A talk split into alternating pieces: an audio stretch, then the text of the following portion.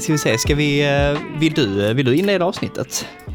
Åh oh, herregud. Ja, men absolut. Uh, jag, jag, alltså, jag, jag är så jävla dålig på det här. Så, men jag försöker alltid komma på en sån här jättebra intro. Och så bara stakar man sig. Liksom. Men typ så, sälj in så här, vi ska snacka om massa program. Sälj in typ så att wow, detta måste man lyssna på. Vet du, det finns en anledning till varför jag aldrig blev säljare. Nej men, hej och välkommen. Hej.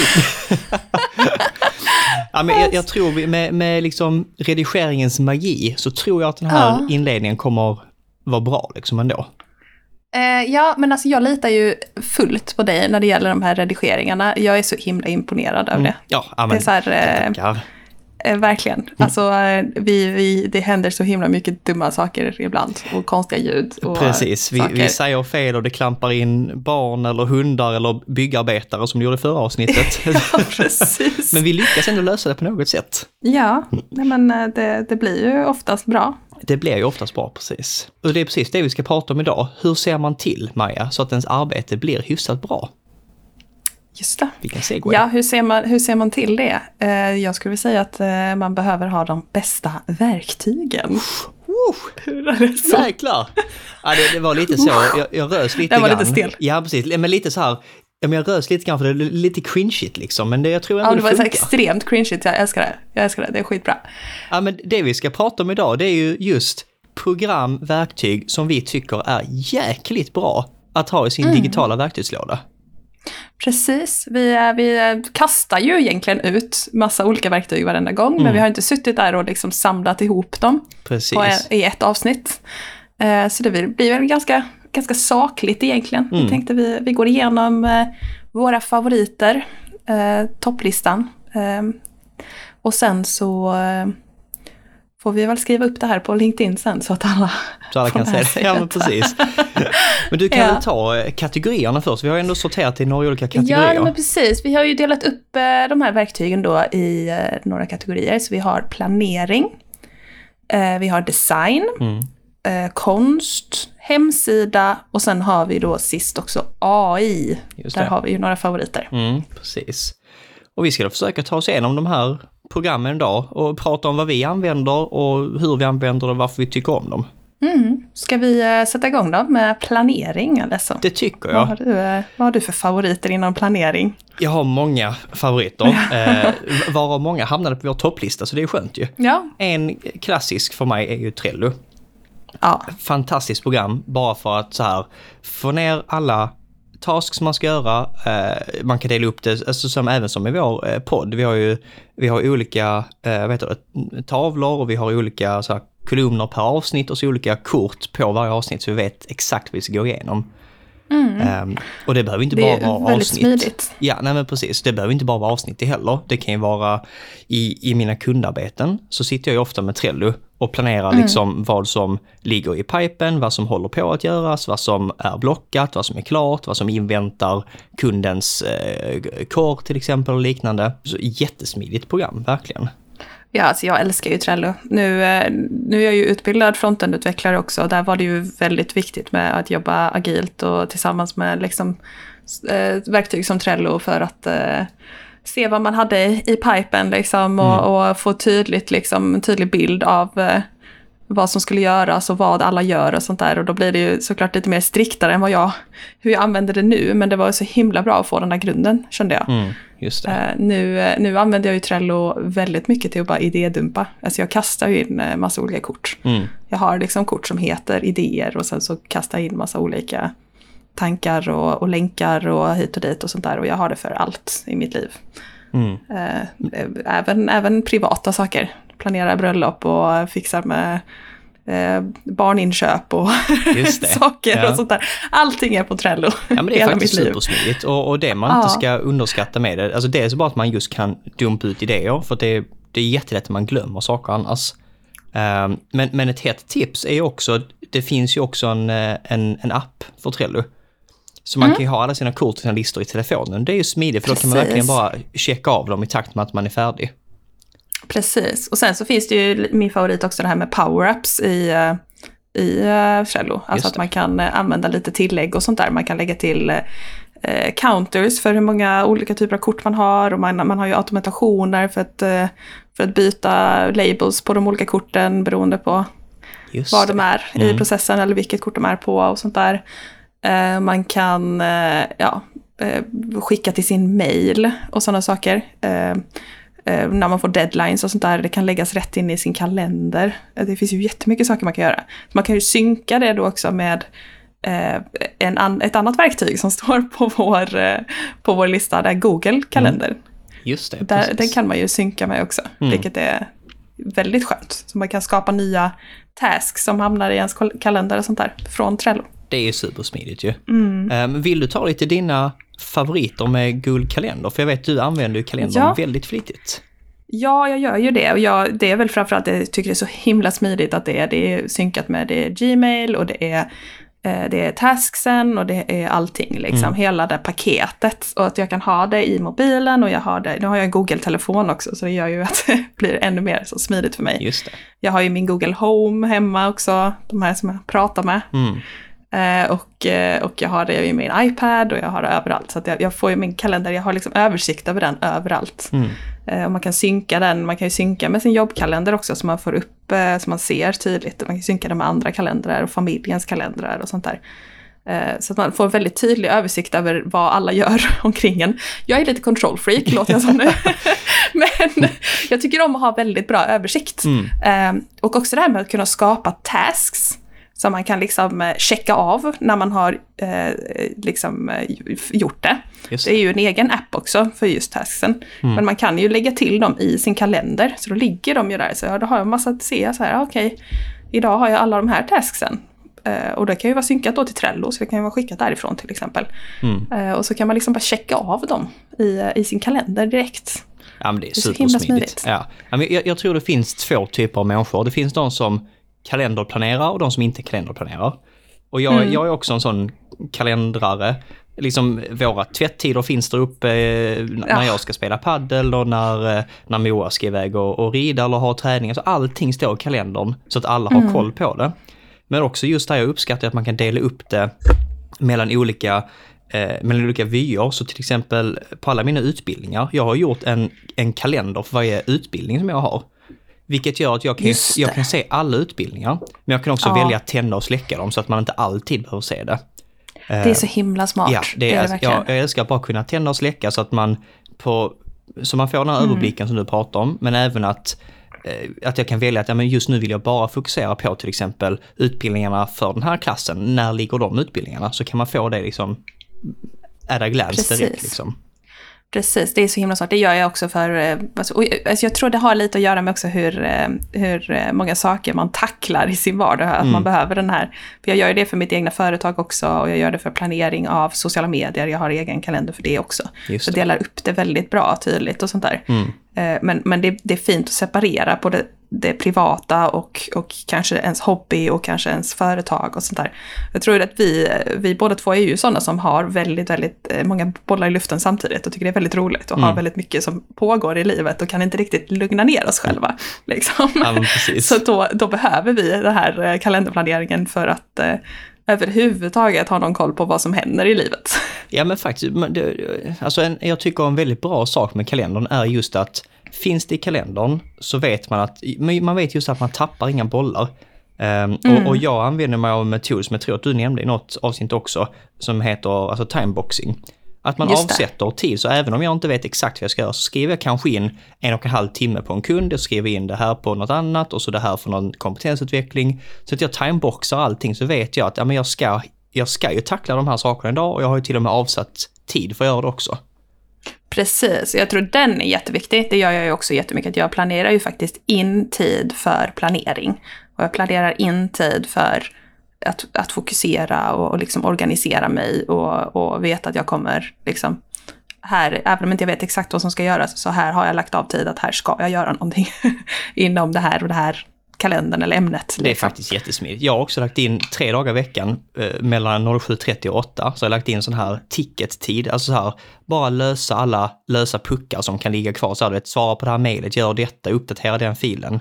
Eh, så jag har också bara samlat så här små, små saker som ska göras, har också en dedikerad eh, timeslot liksom. det är jätte, jättebra. Och det, det har ju både som sagt med, med eh, jobb att göra och eh, privat. Mm.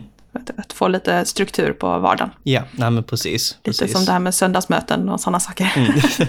ja, men precis. Mm. Eh, Ja. Ska vi hoppa vidare i vår lista? Det tycker jag. Vad har vi sen? Är, det, är vi nere på designfliken redan? Jag tror det, vi Ja. är det va? Det är ja. vi nog. Och på design, det finns ju väldigt många program. Eh, våra favoriter, tror jag, var Mm. väl just Photoshop, Illustrator. Ja, det är väl kanske de Mm. använder främst för att designa saker.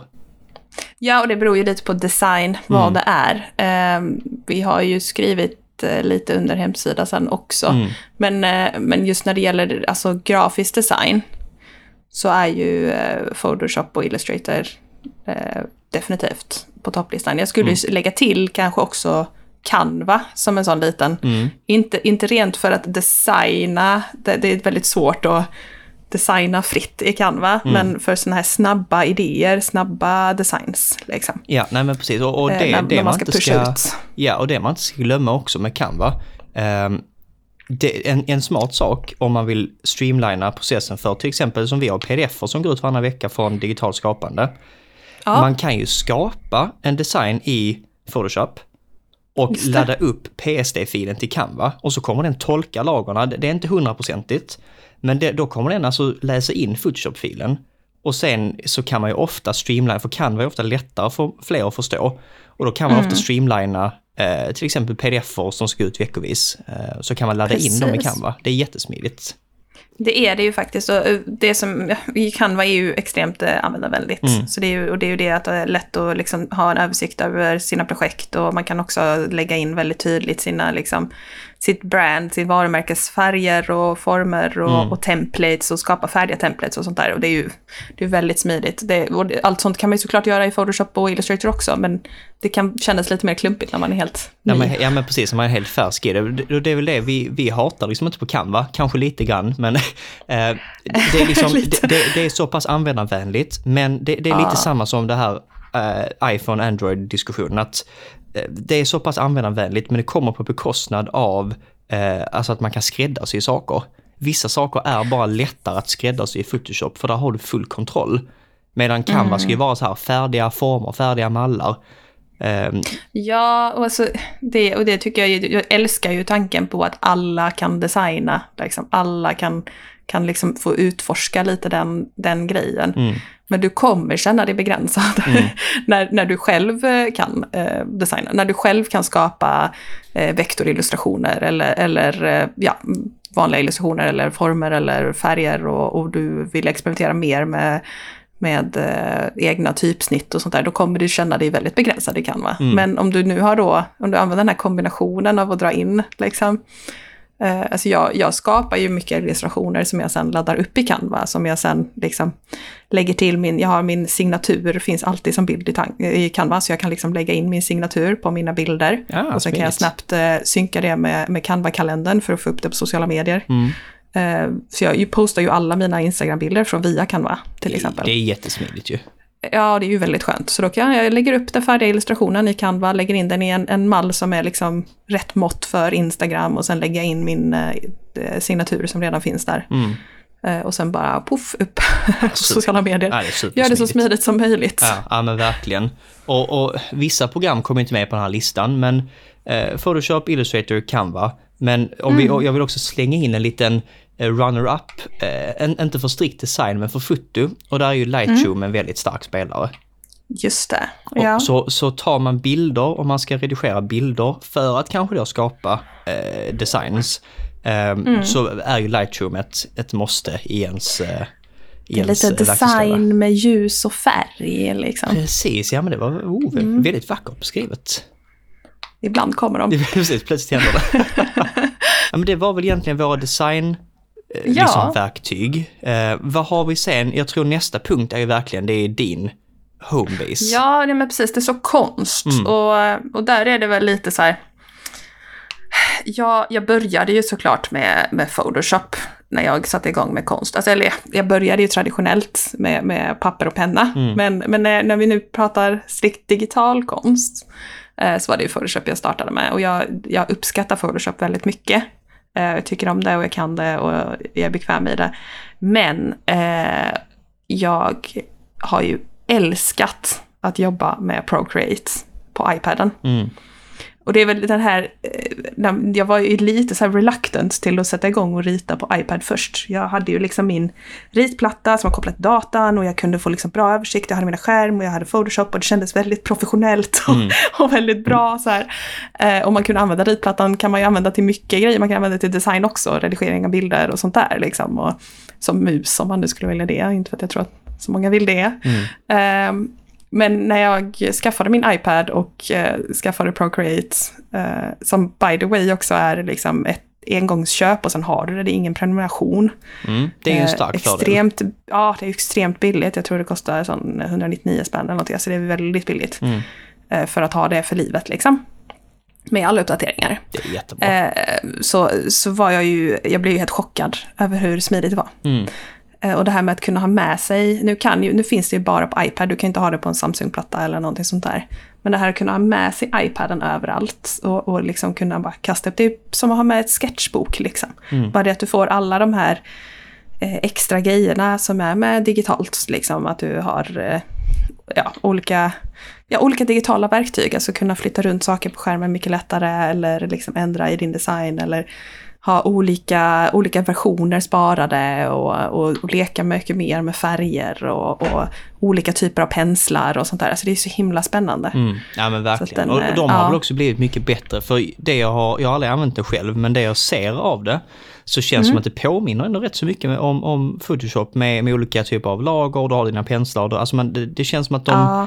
går mer och mer åt det professionella hållet. Jo men verkligen, det är ju jättemånga professionella alltså, konstnärer och alltså, illustratörer som använder Procreate idag mm. som liksom professionellt, mm. eh, yrkesmässigt. Eh, och de har ju tagit in, det har ju kommit jättemycket, alltså jag har som sagt lager och det är olika filter och det är eh, olika typer av tools för eh, ja, allt möjligt liksom som, som påminner väldigt mycket om Photoshop. Mm. Det är inte allt som Photoshop har, finns ju såklart inte. Men väldigt, väldigt mycket. Mm.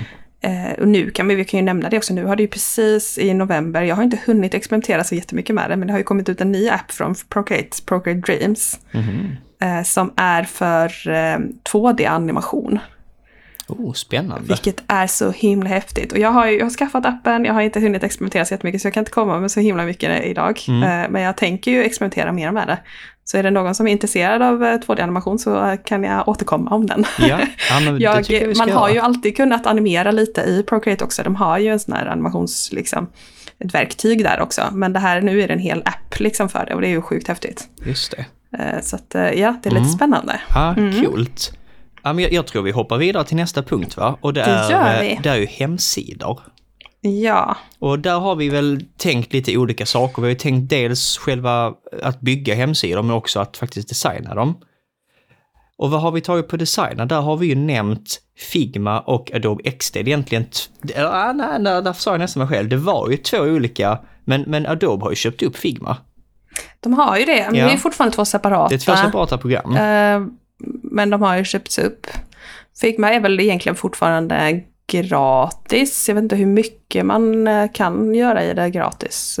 Jag tror att det mesta kan man göra om man är ensam. Jag tror det här med teams och sånt, alltså att ha team eh, som samarbetar på ett eh, kan börja kosta, om jag inte har helt fel. Jag har inte helt, det var länge sedan jag var inne i Figma. Ja, och jag, jag började faktiskt i Figma, men jag, jag, ja. jag, jag gick över till Adobe XD. Um, ja, en, inte egentligen för jag tyckte att det var, jag tycker inte det är supermycket, jag, jag tycker nog Figma är bättre fortfarande. Men ja. det är bara så väldigt smidigt att, att, att man har Adobe-programmen för att man kan ju från Adobe XD liksom bara slänga in, man kan öppna saker i Photoshop och redigera dem och så, de, de har ju vad de kallar för, eh, vad är det den heter, Creative Sync eller något sånt. Eh, så det synkar mellan de olika programmen och det, det har ju verkligen underlättat arbetet. Ja, det, är ju, det är ju lite så också att Adobe-programmen är ju inte billiga. Nej, nej det är de inte. så nu, man, om man nu väl har eh, Photoshop och Illustrator så, här, så, så alltså det, ja, då känner jag lite så här, okej, okay, då kan jag lika gärna använda Adobe XD och jag kan använda InDesign och alla de här olika liksom. Mm. Uh, men, men Figma var ju där jag startade, jag tycker det är väldigt roligt att jobba med Figma också. En sak som jag har använt Figma till också utöver, alltså bara eh, design av hemsidor har väl varit eh, alltså när jag skapat eh, alltså SVG-filer. Antingen att jag har tagit in SVG-filer där i, eh, alltså vektor, vektoriserade bilder, eller att jag skapat liksom former, om det har varit så här blobbar eller vad det nu har varit. Och där kan man ju ta ut och koden därifrån också för den här SVG'n och sen kan man ta in den när man kodar en hemsida. Just det. Eh, och då, det är ju väldigt smidigt, det är väldigt enkelt, snabbt gjort liksom. Och så har det varit gratis då. Men, men just det här med att designa en hemsida känns på något sätt eh, eh, lite mer clean i Adobe. Jag, jag vet inte om det är så eller om det bara är en känsla jag har när jag jobbar med Adobe. Ja, Men jag kan nog hålla med. Jag tycker att det känns mer, det, det är kanske mer för det påminner lite mer just den här lagerstrukturen och, och mapparna, Ja. samma som har i Photoshop och i, och i Illustrator. Ehm, men, men det ska man också nämna att man kan ju lika, jag har sett folk designa hemsidor i Indesign och Illustrator och Photoshop, det går ju jättebra. Fördelen med XD är just att man kan prototypa också, så man kan faktiskt få knappar och saker att fungera och faktiskt nästan göra hemsidan i XD så att en kund eh, kan förstå sammanhanget mellan de olika sidorna. Men precis, och du kan skapa den här länken som du kan skicka till din kund som kan liksom klicka runt och så här se. Alltså att du, du gör en, eh, liksom en eh, nästan fullt fungerande hemsida som de kan klicka runt i och säga om de är nöjda eller inte. Mm, nej men precis. Så det är ju supersmidigt. Och sen Ja. när, när det kommer till själva byggandet så tror jag att vi Mm. båda är nog eh, team Wordpress kanske. Ja, jag, jag har så mixed feelings där igen.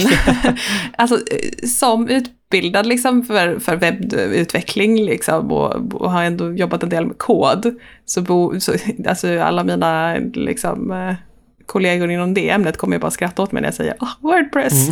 typ. men, men det är ju så snabbt och så smidigt och det finns så tusentals olika plugins. Så det, jag gillar det. Men eh, ja, jag, jag tycker såklart det är skitkul att sitta och så här koda en hemsida. Eh, och jobba med React och, och andra eh, bibliotek och sånt för att, för att bygga, bygga hemsidor. Men, men det är ju det är ju ett större arbete. Mm. Ja, Det är det Det, är tidskrävande och det kräver en, en helt annan typ av kompetens som ofta, eh, nu är det ett speciellt fall, för ofta besitter ju inte en designer kompetensen av en kodare. Nej, det brukar ju vara lite mer uppdelat liksom. Mm. Och jag har väl alltid varit mer åt designhållet. Eh, så att jag är ju inte någon, någon kodproffs heller liksom. Mm. Eh, jag tror att det, det, det är definitivt en fördel att ha kunskap om båda. Mm. Ja, jag jag så svävar lite mellan de två. Mm.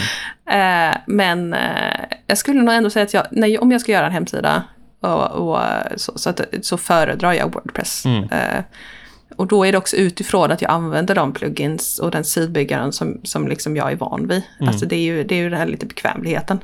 Precis. Eh, och det, det, det är väl den att man, det tar en stund att, att bli bekväm och sluta vara frustrerad över framförallt sin sidbyggare kanske. Mm. Jag vet att du, du föredrar väl ändå Elementor, gör du inte det? Ja, precis. Jag brukar arbeta mest i, i Elementor. Sitter du något annat än det? Divi sitter jag ju mest i. Mm, Eh, så ja. där är vi lite splittade. Mm, mm. Eh, De är väldigt det är väl- snarlika. Jag, jag har jobbat i Divi också. Ja. De, de påminner väldigt mycket om varandra. Ja, och det är väl de två som är kanske störst skulle Mm. jag säga. Eh, Ja, men så är det ju absolut. Alltså, och det är väl kanske mer en sån här prisskillnad och så. Mm. Eh, Jag tror inte, Elementor har väl inte en, en sån här att man kan köpa eh, Lifetime. alltså lifetime Nej, access, för nej, det kan man ju med. Divi. Det är fördelen. Jag, jag, jag gillar inte riktigt, bara generell side-note så här, liksom, jag gillar inte riktigt att så här Elementor och Adobe, alltså alla går mot en så här subscription-modell. Och liksom det, Nej, det den är, är jobbig, ja, alltså. men alltså som Adobe, om man nu betalar fullpris för det så tror jag det är sex, 600 spänn i månaden. Eh, och det är ju Mm, precis. eh, alltså, en, en forever-kostnad, det kommer ju fortlöpa så länge du behöver programmen. Ja, Eh, precis. Och jag tror samma gäller med Elementor, jag tror det är någon tusenlapp per år, så det är billigare än Adobe-sviten, men det, du kommer behöva betala för att ha kvar Pro-versionen av Elementor. Precis. Jag tror Divi är väl en lifetime access, och nu kommer jag inte ihåg exakt, det är väl kanske rätt över 2000 eller någonting sånt där, men då har du det liksom. Jag kommer inte ihåg exakt vad jag betalade för det, men jag har ju det och då är det ju jättesmidigt och du kan generera hur många nycklar du vill, skapa massa hemsidor och sen eh, går det ju bara liksom tills du tar bort den här eh, eh API-nyckeln. Eh, så den är, det är ju väldigt, väldigt smidigt. Eh, men ja, i stort sett så fungerar de ju ganska likt. Eh, det gäller väl det att man vänjer sig liksom. Ja, precis. Jag tror fördelen med, med Wordpress är just att det är en väldigt enkel tröskel att komma in i. Eh, men man kan göra så väldigt mycket i det. Alltså sidorna kan ju, man kan göra väldigt bra sidor i Wordpress, men man kan också göra väldigt basic sidor. Eh, så det är verkligen en plattform man kan växa med, till skillnad från typ Photoshop som har en hög tröskel bara att komma in i. Eh, eller Canva som har en låg tröskel att komma in i, men du har ett tak också. Men jag känner Elementor har en låg tröskel och inget tak, så det är liksom, man kan verkligen växa med plattformen. Mm, ja, men det kan man definitivt. Det är mycket man kan göra och det är även utanför sidbyggare, alltså alla de här små tilläggspluginsen som, som är utvecklade för olika saker. Eh, för din SEO och för din säkerhet och, och så vidare och så vidare. Det är ju väldigt smidigt. Just det, ja, och, de, det, och det finns ju miljontals eh, plugins som man kan eh, installera. Det är någonting jag mm. föredrar med Wordpress, att det är ju väl som jag förstått, alltså att, att vem som helst kan väl göra de här pluginsen. Ja, det är ju det är öppen källkod. Mm. Så alla kan ju gå in och se på det och fixa liksom, mm. och, skapa, och skapa teman och allt sånt där. Det är ehm, supersmidigt. Det, det är ju väldigt kul, för mm. man kan ju se, det, vem som helst kan ju liksom eh, contributa liksom. Mm. Sen är det ju, alltså det, det måste man ju nämna, eh, och det, det är jätteviktigt att veta eh, om man väljer eh, Wordpress. Det är ju att, att det är inte, det är definitivt inte det säkraste. Nej, har precis. du mm. väldigt mycket liksom, kunddata och det, det är mycket som liksom ja, som du är rädd om så skulle jag ju kanske inte välja Wordpress eh, enkla hemsidor och så här så, så är det ju sjukt smidigt. Men, eh, men har du, eh, är säkerhet någonting som är väldigt viktigt för dig så skulle jag ju investera pengarna i att utveckla en, en, eh, liksom en ordentlig sida i typ eh, React eller liknande. Mm, precis, eller så kan man väl koppla, eh, alltså att man har typ CRM-system i HubSpot och liknande så att all, all kunddata förvaras på en annan plats. Ja, jo det kan man ju såklart. Och sen, den eh, har vi inte skrivit upp, men jag uppskattar ju väldigt mycket att jobba med, med HubSpot CMS också. Eh, och skapa i, i det. Eh, och där är det ju inte öppen källkod. Eh, det är ju såklart lite dyrare, man behöver betala för det. Wordpress är ju gratis, förutom att man behöver betala för just sidbyggare och plugins och sånt. Eh, men, men eh, HubSpot jag vet inte om egentligen om HubSpot CMS i längden blir billigare för att du inte behöver köpa till massa plugins. Där är det ju liksom, det ingår ju. Du betalar ju för HubSpot bara. Mm, nej men precis. Ja, ska man ändå ha CRM, då tror jag då kan man lika gärna bygga i, eh, i CMS HubSpot också. Precis, sen är det väl lite så här, ja det är ju lättare. Det finns ju en, en drag and drop liksom, eh, redigering för, eh, för HubSpot, men vill du ha lite mer kostymiserade moduler och sånt så behöver du ju ha en utvecklare som kan eh, utveckla i, i deras Hubble, deras eh, kodspråk och så här. Så det, det kan ju bli lite kan ju bli lite så att du, det blir lite mer pengar för du måste anställa någon som kan det. Om du inte själv lär dig. Det är jätteenkelt det också att lära sig för att det finns ju eh, HubSpot har ju HubSpot Academy som har eh, massa kurser och där har de ju HubSpot Developer Certification också som är gratis att ta. Just det, ja men precis. Att, men har vi någon ja. då som, som lyssnar som ska börja med att bygga en hemsida så tror jag nog Wordpress är bra att börja med just för det är gratis. Um, som, som um, Elementor som jag gillar att jobba med, där finns ju också en gratisvariant av den som är lite mer begränsad. Men ma man kommer väldigt långt, väldigt snabbt, eh, gratis. Och så kan man vidareutveckla eh, och, och, bygga till och bygga mer. Sen, sen ska vi faktiskt heller inte, den står heller inte med på listan, men jag kom på det nu att beroende på vilken typ av sida man har Eh, som jag har ju, jag har en sida där alla mina foton och så ligger på som en portfolio. Mm. och där rekommenderar jag faktiskt Adobe Portfolio, deras hemsidebyggare. Just det. Inte för att den är jättebra, alltså man är väldigt begränsad i, i att bygga den. Men det smidiga är att all hosting av bilderna ligger hos dem. Så jag laddar ju upp mina bilder i liksom 30 megapixlar per bild. Och så har jag typ ja. tusen bilder på hemsidan och det, det, får man inte på Wordpress för där komprimeras det för att det ska klara, liksom så att man inte ska ha en långsam hemsida. Just det. Eh, så det är man, ju jättesmidigt. Mm, så har man en portfoliosajt eller med fotograf eller liknande, då, då tycker jag faktiskt att Adobe Portfolio är hyfsat smidigt att bygga i. Det finns ju en del sådana. Den där Adobe Portfolio tycker jag definitivt om du har bilder. Um, det, det, blir ju inte lika bra på Wordpress mm. om du ska lägga upp massa bilder för det blir väldigt tungt mm. och det blir en långsam sida. Eh, ska du skapa en linktree till exempel, alltså sån här för, för länka en liten hemsida liksom. Så hade jag inte använt linktree, då hade jag använt Canva istället. För de, där kan man också skapa en hemsida. Om du nu har Canva redan så skulle jag använt det. Eh, för då kan du lägga upp eh, länkar på en sida där och skapa en liten, eh, liksom få en, en, eh, en Canva-link. Liksom. Direkt via Och använda det istället. Så den är också jättesmidig. Gud vad smidigt. Eh, så det finns ju många olika sådana. Och vill du ha en väldigt enkel hemsida och du inte vill liksom kunna redigera massa olika typer av moduler och lägga till kod och sånt där och hålla på. Så är det ju, ja, men det är Squarespace och det är Wix och vad är det mer? Det finns ju alla de här. Mm. Ja, det finns hur mycket som helst att använda och Shopify och allt vad det nu finns.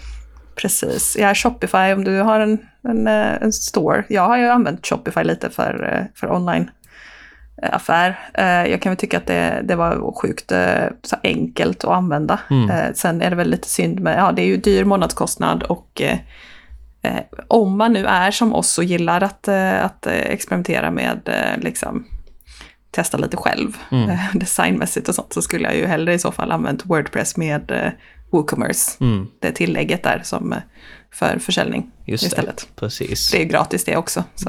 Mm. Ja, det finns, Ja. må, finns många bra CMS. Mm. eh, Så att ut utforska, se vad som passar eh, er bäst egentligen. Ja, Eh, Och vi har väl en punkt kvar för dagen, det är ju våra Det kära AI-program. vi kan ju inte glömma AI. Precis, Det har, vi, det har ju varit liksom huvudämnet detta året. Ja men verkligen och, och med goda meriter varför. Um, Mm. Och det finns ju en del olika att använda. Vi har ju inte med alla här, men vi kan ju ta upp eh, först och främst liksom ChatGPT är ju absolut ett program som bör finnas med i ens verktygslåda. Ja. Och det kan vara allt från att bara generera idéer till att få förslag på rubriker, till att eh, eh, göra analyser, till att påbörja utkast på texter, till att analysera texter man har skrivit. Man kan göra hur mycket som helst med ChatGPT. Gud vad jag lutar mig till ChatGPT ofta. Ofta ibland också när jag kanske inte behöver det. Men du vet, hjärnan inte funkar liksom. ja, precis. Men eh, det är så smidigt. Eh, och vi har ju pratat mycket om det. Det är liksom... Det är ju ett verktyg som man verkligen har saknat. Mm. Ja men verkligen, det, nu när det finns ute och man använder det, så det hade varit svårt att gå tillbaka till att inte använda det. Det hade det absolut varit. Eh, Man och kanske blir lite smått handikappad. Lite grann kanske. Eh, Men eh, det är på något sätt det här att, att ha någon att bolla med. Eh, alltså om man själv har mycket idéer men inte riktigt vet hur man ska få det på papper och man liksom det är på tungan men man liksom inte kommer på någonting så kan det vara jättebra att bara prata lite med ChatGPT, kasta ut sina idéer och kommer liksom be om lite förslag eller lite punkter eller vad det nu kan vara. Liksom. mm. Ja men Eh, precis. Ha någon att bolla med. Jag, tidigare ringde jag min mamma konstant för att bolla lite idéer. Mm. nu nu kör, vänder jag mig till ChatGPT. Jag tycker lite synd om mamma, hon får inte lika mycket samtal. Men, hon får vända sig till ChatGPT. Fråga, fråga den saker. ja, men man, man kan fråga den vad som helst nästan till. Um, den är ju inte absolut, den, den är inte den bästa alltid, men man kan ju man kan få grundjobbet gjort väldigt Ja. bra med ChatGPT och så kan vi istället fokusera på vår expertis istället för att göra liksom det här grovjobbet. men precis, det effektiviserar ju arbetet. Mm. Eh, Man ska ju inte lita blind på det liksom. Utan det gäller ju att använda sin egen liksom, hjärna också. Mm. Eh, Men att luta sig till det som ett, som ett verktyg, är det, det är ju det vi pratar om idag. Det är ju verktyg. Det är inte liksom eh, så här, nu ska ChatGPT göra hela mitt jobb. Utan det är liksom ett verktyg för att eh, eh, arbeta mer effektivt och, eh, och liksom komma på idéer snabbare och, och sånt. Ja. Precis, ja, så är det verkligen. Och för bildbiten, bara för att nämna Mm. lite kort vilka som finns. Vi, vi brukar väl använda mest eh, Firefly och eh, Generative Fill i Photoshop och Midjourney. Det är väl kanske de tre Mm. man mest sitter i. Just det. Ehm, och de, de är super, superbra. Midjourney och Firefly är ju mer eller mindre generera AI-genererade bilder från grunden. Man promptar in vad man vill ska komma ut och så får man en, en AI-genererad bild. Och Generative Fill i Photoshop, det, det. det. är ju mer av att, man kan ju använda det som helt AI-genererat, men det är ofta att man kanske lägger in en bild och så ber Mm. man den återigen effektivisera, den gör grundjobbet. Man kan be den så här, ta bort skuggan, ta bort människor, lägg till detta, gör detta. Ehm, så det, det- den, den snabbar upp arbetet helt enkelt i många fall. Precis, och, och där är det ju igen, eh, du, det, det, är inte på den nivån ännu, att du kan så här bara, yay, färdigredigerat Mm. direkt när den är gjord. Liksom. Du måste ju sitta och pilla med det lite. Precis. Och liksom, Ja, men ofta kräver lite med det. handpåläggning också, det gör det. ja, det gör det faktiskt. Mm. Och, och det, det finns ju massa, massa fler program, vi har säkert missat eh, tusentals olika. Eh, Ja, ja, det här är ju våra favoriter. Ja. Det är ju det vi har tagit upp. Liksom. Precis, och, och jag tror, har man då, har man med dessa i sin verktygslåda, då kommer man Mm. oftast hyfsat långt. Eh, nu har vi ändå kommit en bit in i avsnittet, men det vi har gått igenom det är ju verktyg för planering, verktyg för design, verktyg för konst, verktyg och program för hemsida och nu på sluttappen AI. Eh, d- Där tror jag man har en väldigt bra grund faktiskt om man börjar med att bekanta sig och jobba med de här programmen. Ja, nej, men precis. Och, då, är det ju strikt eh, liksom digitalt. Vi hade ju kunnat eh, ta upp eh, hur man använder sig av traditionella medier också. Alltså eh, tecknar och skriver och eh, liksom eh, eh, workshoppar tillsammans och så vidare. och så vidare. Det är ju också väldigt viktiga Mm. verktyg. Men nu var det digitala verktyg vi har fokuserat på. Eh, och man, man kommer som sagt väldigt långt på det. Man kan, eh, man kan göra mycket med det. Det är det här vi mest sitter med. Mm. Ja men Liksom. så är det verkligen. Och, och ska man börja någonstans så tror jag faktiskt det är på planeringsbiten. För får man, får man koll på hur man ska göra sitt arbete och vad man ska göra så blir det lättare att göra arbetet. Det är definitivt. Eh, och sen en annan not är ju också att, eh, och det är väl kanske därför vi vill dela med oss av våra favoriter. För som du sa, det finns så himla mycket. Eh, och ibland får man lite så här små panik och bara vill kasta sig ut och, och, och prova allt. Och vad ska jag använda? Och det blir för mycket och det blir liksom, ja, det blir bara too much. Eh, det är bättre att fokusera på någonting Precis, ja men det är det eh, verkligen. och bli riktigt bra på det. Mm. Ja men verkligen. Jag, jag tror att vi har gått igenom faktiskt Mm. väldigt eh, många program här så att man, man bör sätta sig in i dem. Det var väl, Ja. det var väl kanske, det var väl Det kanske var, det här det avsnittet. var nog det faktiskt. Jag tror att vi, eh, vi har gått igenom vad vi, vad vi ville ta upp Mm. och vi uppskattar eh, eh, det meddelanden och eh, kommentarer och sånt där som vi får på eh, vår eh, podd. Och eh, vill ni att vi ska ta upp mer av sådana här ämnen eller något annat så får ni jättegärna skriva till oss. Just det, Var skriver precis. man till oss då? Då kan man alltid skriva på linkan. Gör gör en liten rap där liksom. Linkan. Antingen på LinkedIn heter vi digitalt skapande eller så kan vi mejla till oss på dspodden gmail.com. Där når man alltid oss också. Ja, och där eh, tittar vi ofta och gråter när vi inte har fått något, så kom igen nu. Precis, kom igen, skriv där. Skriv, skriv. Ni kan också skriva till oss privat på, på LinkedIn. Eh, om ni är rädda för att skriva till den andra, till Precis. exempel. Precis, precis. Så det är ju Maja Turell och Alessio Leon. Så att det är Precis. bara att skriva om man har frågor, funderingar, tankar eh, eller önskemål Mm. så eh, tar vi glatt emot det. Eller klagomål. Eller klagomål, då skriver man till Maja. ja men toppen, Ja. Du, jag, jag tror det här var ett konkret avsnitt och det är väl bra att vi varvar lite grann eh, lite mjukare avsnitt med lite mer sådana här konkreta. Precis, vi, eh, vi svävar ju ibland eh, och har mycket tankar och funderingar och sådär. Men, eh, men jag tror det är bra att dela med sig också av hur vi faktiskt arbetar. Mm. Ja men helt rätt. Mm. Ja men du vet du vad Maja, vi, Ja. vi ses i nästa avsnitt. För vet du vad jag ska göra nu? Det gör vi. Vadå? Vi gjorde pepparkakshus innan och eh, de Ah. husen de ska inte stå kvar länge så jag tänkte äta upp de pepparkakshusen. Alltså fy vad gott. Ja, ja. Så det är, det är min eftermiddag och jag, eh, I gotta get Det är to som, it. som eh, taskigt att säga till en gravid kvinna, men eh, okej. Så är det, jag, jag har timeboxat det, det står i kalendern så nu måste jag äta. Äta pepparkakshus. men eh, tack för idag då. Du, tack själv, vi ses i nästa avsnitt. Det gör vi. Hej då! Hej hej!